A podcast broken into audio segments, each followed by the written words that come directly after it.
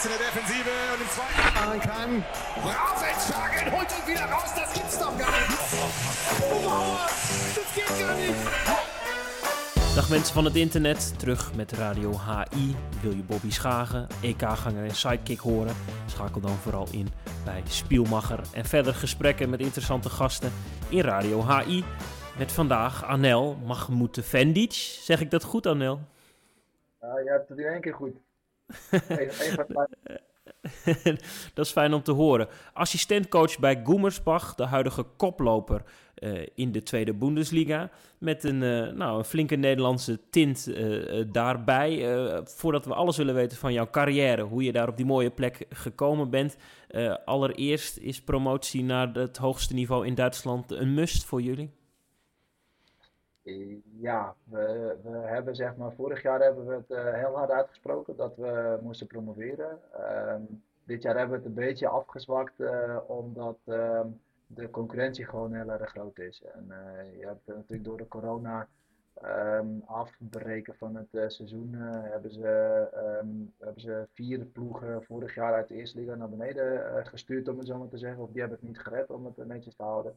En die ploegen willen allemaal weer terug. En uh, dan heb je ons uh, als, ik zeg maar even, de, de vijfde uh, vereniging. En dan heb je nog altijd één of twee clubs die een fantastisch seizoen draaien, die die ambities misschien niet zo hard hebben als wij, alleen die, die het wel gebruiken als ze kans hebben. Dus we hebben wel gezegd van we, gaan, we willen zo goed en lang mogelijk bovenin meedoen en we willen die poging ook wagen.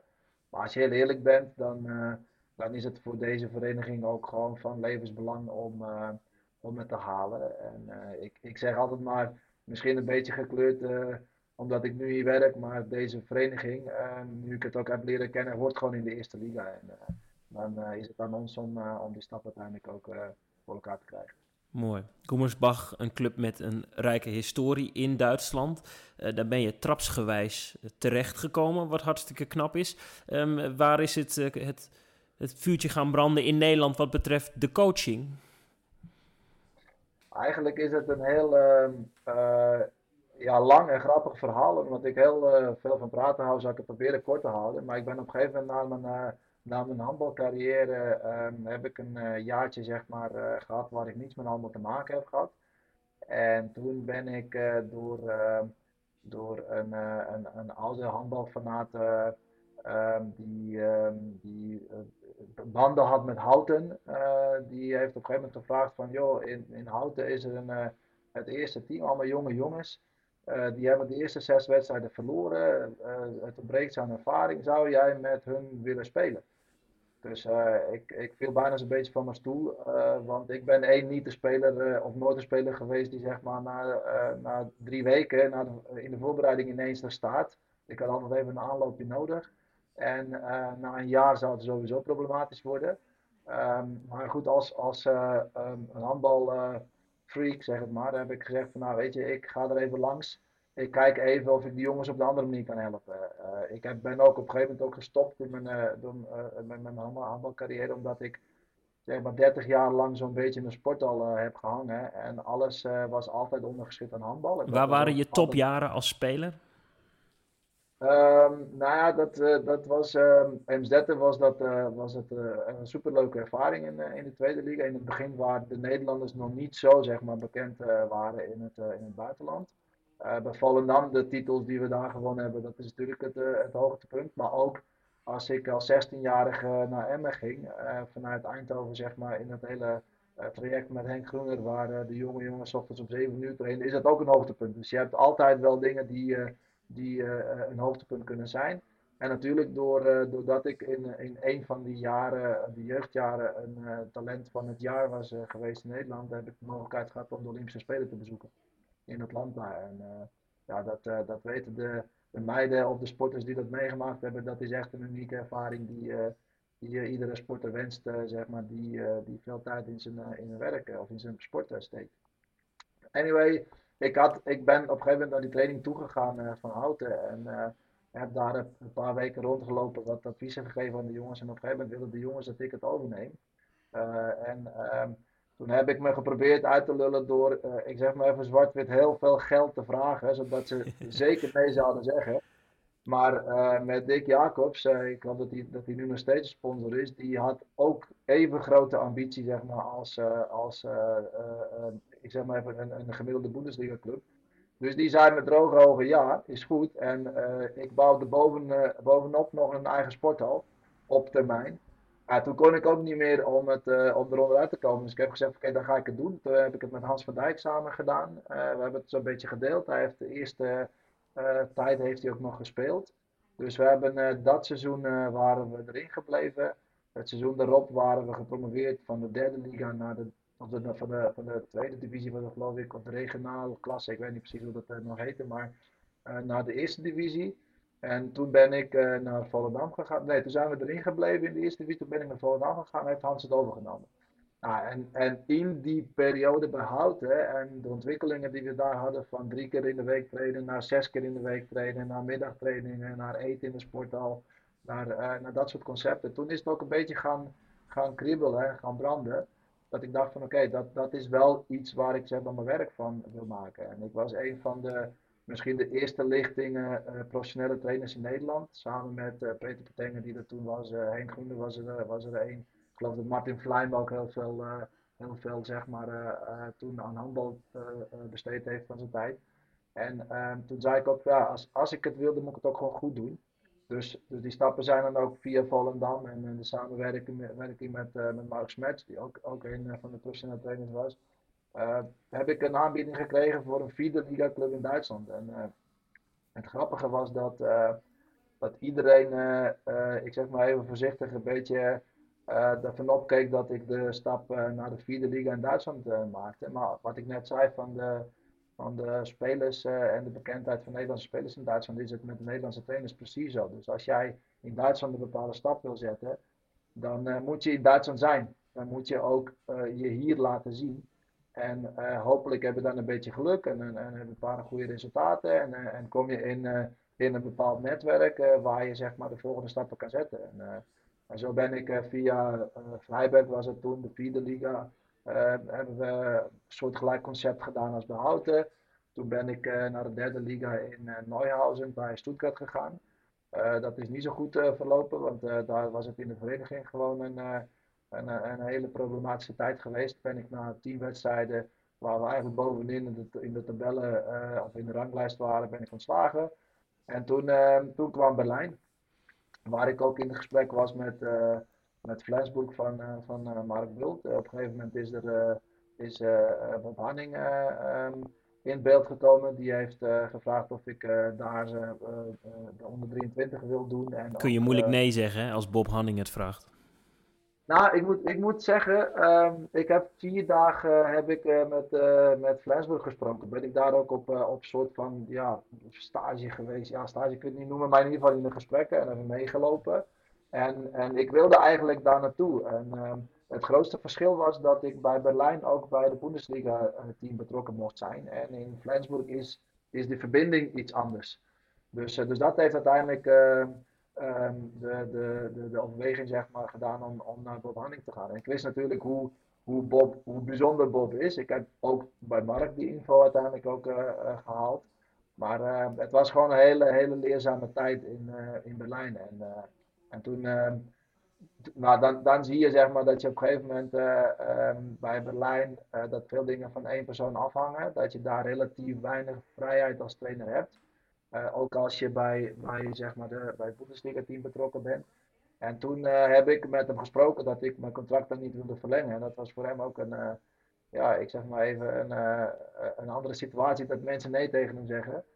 Um, en, en op een gegeven moment, ik geloof twee of drie weken later, kwam, kwam Boemersbach. En dat betekende ook voor mij, zeg maar, dat, je, dat ik natuurlijk uiteindelijk door mijn werk uh, iets goeds gedaan heb, waardoor uh, je dan in, in een picture komt bij, uh, bij een aantal mensen. En dan moet je als trainer ook geluk hebben dat je net op het goede moment of vrij bent, of dat er een positie openkomt. Of, dat is misschien wel waar, maar je zegt ook, hè, als je in Duitsland wil slagen, moet je daar zijn. En heb jij stapjes gemaakt. Dat heb je allemaal in Nederland dan moeten achterlaten?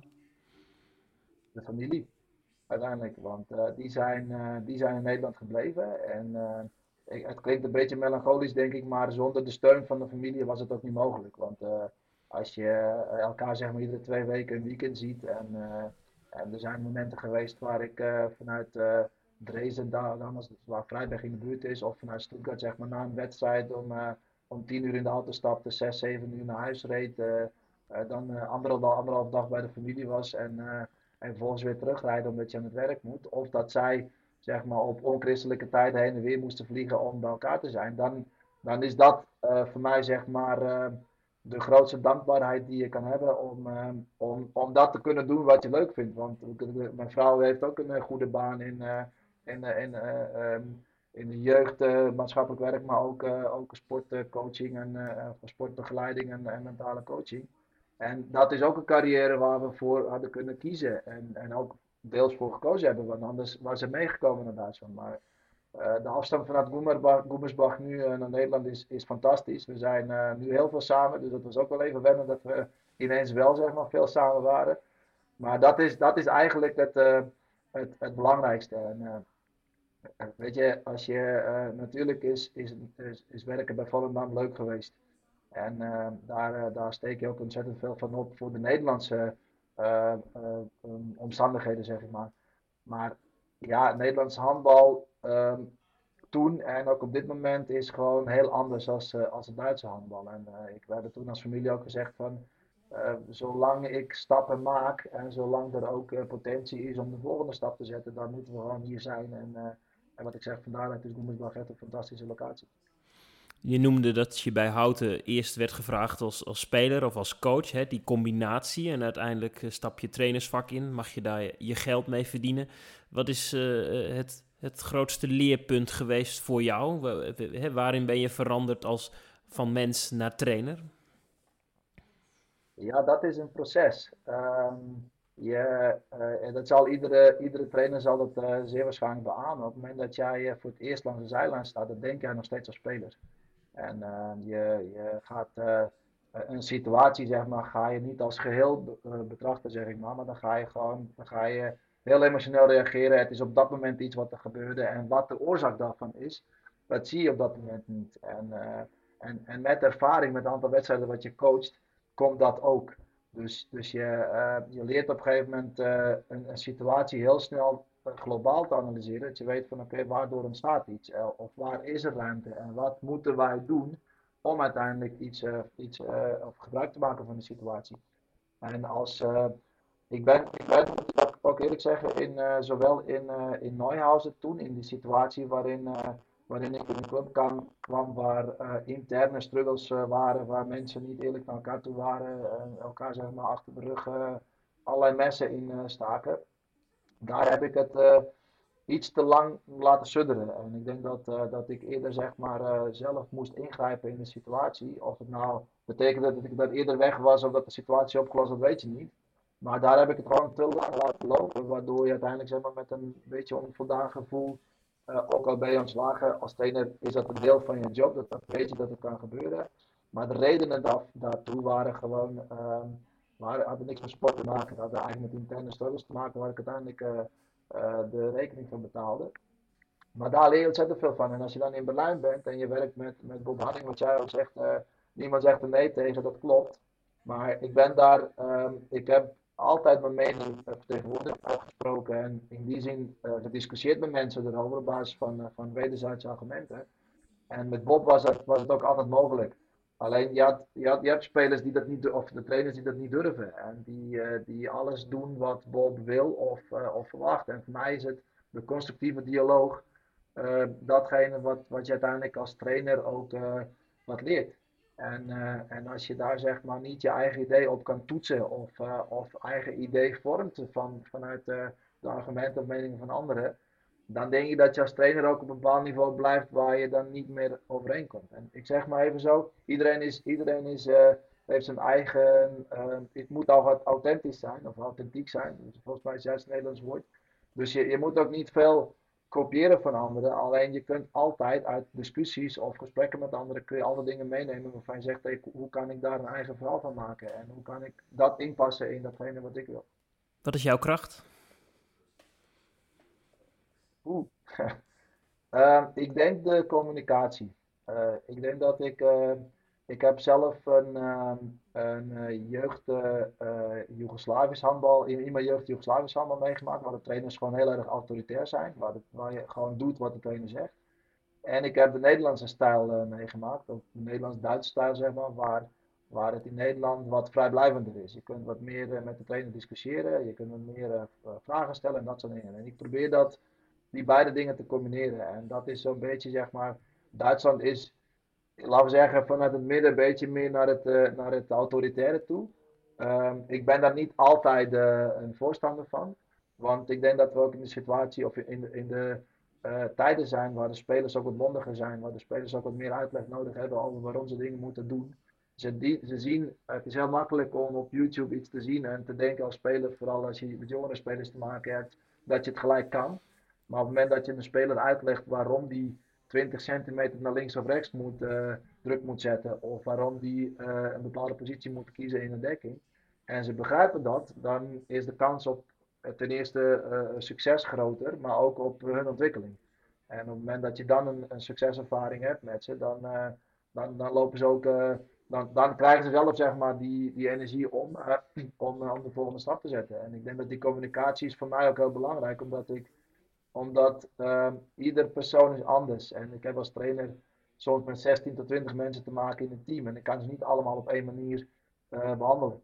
Dus dat, uh, dat, dat, is, dat is waar ik probeer zeg maar, uh, de paar procent extra bij ze, bij ze weg te halen. Want je moet er en de vader zijn, en de broer zijn, en de, leraar zijn, en de trainer zijn. En de, de standaard cliché.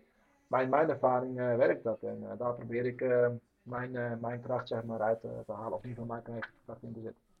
Stukje college, heel leerzaam. Even korte break, want we moeten een klein beetje centjes verdienen. Radio HI wordt mede mogelijk gemaakt door WePlayHandball.nl, de nieuwe webshop voor handballers in Nederland. Anel, de deurbel gaat straks bij jou thuis. Er staat een pakketje van WePlay Handball voor de deur. Wat hoop jij dat erin zit? um, ik hoop dat er een, uh, ik weet niet of dat kan hoor, maar uh, het zou wel leuk zijn als er een, een, boek is over coaching of een magazine over coaching. Want uh, weet je, de, de kleding en, en dat soort dingen is, is heel belangrijk voor een sporter. En ik vind ook altijd dat het, ehm, dat, je, dat, het, dat dat ook een bepaalde uitstraling heeft. Dus dat moeten de luisteraars zeker bekijken op, op jullie site. Maar als, als coach, zeg ik maar, is mij uh, een bepaalde, um, ook een stukje eigen ontwikkeling, zeg maar, dat je gewoon even vervolgt wat, wat gebeurt er, wat zijn de methodes, wat, zijn, wat doen de anderen. Dus, dus daar zou ik blij mee zijn. Mooi. dan moeten de luisteraars inderdaad vooral kijken op weplayhandball.nl. In Gummersbach mag je samenwerken met Sigurdsson als speler, groots, de IJslander. Uh, nu ben jij zijn, nou, zijn, de co-coach van hem. Hoe is het om met zo'n grootheid samen te werken? Um, eigenlijk heel simpel. En dat, dat klinkt misschien wel raar, want we hebben um, allebei getekend in de coronatijd. Um, we, hebben, we kennen elkaar daarvoor even uit de sport al, zeg maar, uit het zien bij, de, bij de wedstrijden, maar niet persoonlijk. toen, toen was er bij Goemersbach eigenlijk heel veel ja, discussie of beslissingen van hoe willen ze dat doen. Want ik was ook in gesprek als, als, als hoofdtrainer. En toen hebben we gezegd van, weet je, het is gewoon onduidelijk wat er gaat gebeuren met de club. gaan we, het seizoen was afgebroken, gaan we toch op basis van een coëfficiënt of van een basis van regelen naar de eerste liga toe? blijven we in de tweede liga? Wordt er nog gespeeld? dat was nog heel veel onduidelijk. En uiteindelijk zijn we er op uitgekomen dat wij dat samen zouden gaan doen. En uh, Sigurdsson is natuurlijk vanwege zijn, zijn spelerscarrière en zijn naam uh, het gezicht naar buiten. Daar, heb ik ook, daar hebben we ook over gesproken in het begin. Ik heb er ook absoluut geen problemen mee, want we hebben heel duidelijk met elkaar besproken wat is onze visie. Uh, ik heb aangegeven, ik ben geen standaard uh, assistent die voor jou de statistiek doet en, en de, de pionnetjes heen en weer verschuift. Dus ik wil daar een inbreng in hebben. En toen heeft hij gezegd, dat heeft mij, ik zeg maar even alle twijfels weggenomen. Hij zei letterlijk van, ik heb een uh, grote carrière gehad als speler, maar ik ben een beginnende trainer en ik wil voor jou leren. En dat was tegelijkertijd een compliment um, en, en dus de, een zekerheidje om het zo maar te zeggen, want we gingen het samen doen en, en we zijn ook voor 95% hebben wij hetzelfde idee over handbal, over hoe we willen spelen, over wat bij ons team past, zowel in, in de aanval en. Dus af en toe is gewoon een blikje uh, op de bank even nodig en, en dan, dan, weten we van elkaar wat we, wat we zouden moeten doen. En in de training is eigenlijk hetzelfde. We verdelen gewoon de dingen, we verdelen de analyses van de wedstrijden, we, we bespreken de tactieken in de zin van wat ziet hij, wat zie ik, wat zou hij spelen, wat zou ik spelen. En uiteindelijk maken we daar één geheel van en daarmee gaan we naar de spelers toe. Dus we zijn, ja, ik wil niet zeggen gelijkwaardig, want hij is uiteindelijk zeg maar degene die de eindbeslissing maakt. Maar het werk wat we doen is wel gelijkwaardig. En dat, uh, dat is voor mij gewoon heel plezierig, want, uh, want ik kan mijn eigen kwijt en, uh, en, en je, je, kun je, je kan je als, als trainer ook verder ontwikkelen. En voor de spelers is het duidelijk, want we, we zien het, we zullen elkaar ook nooit voor de spelersgroep afvallen. Maar, maar het is altijd één idee ook al is een van ons twee dus helemaal niet, niet eens met dat wat we doen. Maar op het moment dat we zeggen van oké, dit is het, dan dragen we dat ook uit. En dan, dan proberen we het ook zo goed mogelijk uit te voeren. En uh, ik zeg maar even zo, um, Gudjon is, is tactisch echt heel, heel sterk. En dat, kan, dat kan ook niet anders als je met, met hele tactische trainers in je carrière hebt gewerkt. Um, en ik ben dan weer zeg maar, meer voor, voor de ontwikkeling van de spelers, voor voor dat uitleg van wat moet je doen, waarom moet je daar, wat willen we precies van, van je en, en waarom we een bepaald systeem zullen willen spelen. Dus daar vullen we elkaar echt prima in, in aan. Mooie balans. Veel Nederlanders actief in, in die tweede Bundesliga. Hoe heb jij dan naar het EK gekeken? Nou ja, met, met natuurlijk heel veel spanning en, en trots, zeg ik maar. Want je ziet dat, dat uiteindelijk, ik denk dat dat ook de doorbraak is van ehm, van, van eh, de Nederlandse mannenhandbal. Althans, dat hoop ik. Uh, ik zeg altijd maar, ik heb, ik heb in het verleden ook, nou goed, of het kritiek is, weet ik niet, maar mijn mening uh, geuit over uh, dat ik vind dat, dat na de eerste successen van de dames, Nederland toch zijn een beetje de, op marketinggebied een beetje de boot gemist heeft. Want het is leuk dat, dat we Benelink hebben, het is leuk dat we hier divisie hebben, dat we al die academieën hebben, dat. Maar als je puur alleen kijkt naar de competitie waarin we zitten, is dat, is dat mijn mening gewoon niet goed genoeg. dat heeft ook te maken met populariteit van de sport, dat heeft te maken met sponsoren, met geld uiteindelijk, want daar draait het allemaal om. Alleen ik, ik denk dat er, eh, dat er zeg maar, door de mensen die in een, al een tijdje in het buitenland werken, als trainer of als speler, en die ook bij de grote clubs gewerkt hebben, dat, eh, dat je daar veel meer ideeën van kan, kan ophalen. En dat je dan uiteindelijk kan zeggen van hé, hey, wat kunnen we nou doen om uiteindelijk wel dat publiek zeg maar, ervoor te, te, eh, te interesseren. En ik denk dat zo'n zo resultaat als wat de dames hebben of als de heren nu gedaan hebben en ook de zeg maar, attractiviteit van hoe ze gespeeld hebben, dat het gewoon fantastisch is. Want, want dat is wat je nodig hebt om uiteindelijk de push te, te geven in, in je jeugd.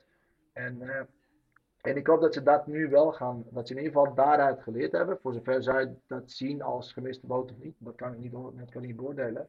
Maar ik denk dat dat echt een hele goede uh, is om te zeggen van hé, wat gaan we nu aan onze competitie doen. Want met alle respect, als je, uh, als je de clubs uh, in de eerste of in de eredivisie hebt, die eigenlijk zeg maar tweede clubs zijn, of de clubs die vroeger derde divisie, met alle respect gesproken over iedereen, maar derde divisie gespeeld hebben en 1, 2, 3 keer in de week maximaal trainen, dan zal je competitie, waar je uiteindelijk die jeugd die moet opleiden, nooit, uh, nooit echt een grote stap zetten. En dat merken wij als, ik zeg maar even Nederlandse trainers die ook die markt scouten en die spelers naar ons toe halen, dat er gewoon echt hele grote verschillen zijn. Uh, niet alleen in, op het gebied van, van techniek of tactiek, maar ook um, zeg maar het, een eigen inschatting van, van een speler van hoe ben ik? Of hoe, hoe, wat kan ik doen? En waarvoor kom ik naar het buitenland? Dus dat, dat zou, het zou mooi zijn als we daar ook een stapje zouden kunnen zetten.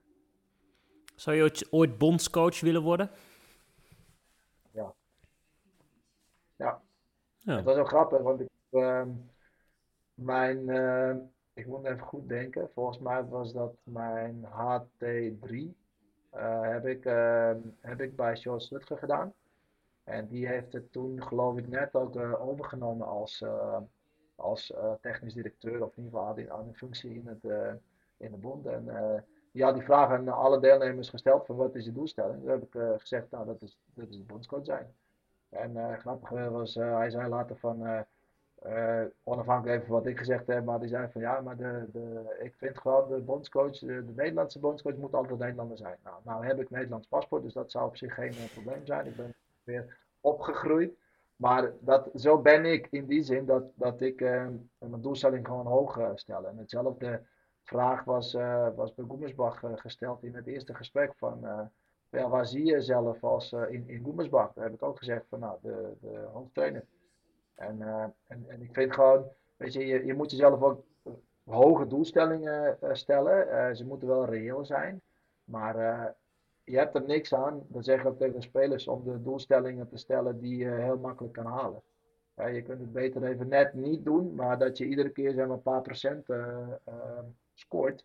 En, uh, en dan, dan zul je zien zeg maar, dat het uiteindelijk wel makkelijker is om dat, dat hoogste treden te halen. En, zo is het voor mij ook. Ik uiteindelijk is het de bedoeling dat ik, dat ik hoofdtrainer word. En als, de, als de bondscoachschap voorbij zou komen, dan, dan ben ik daar zeer zeker over voor.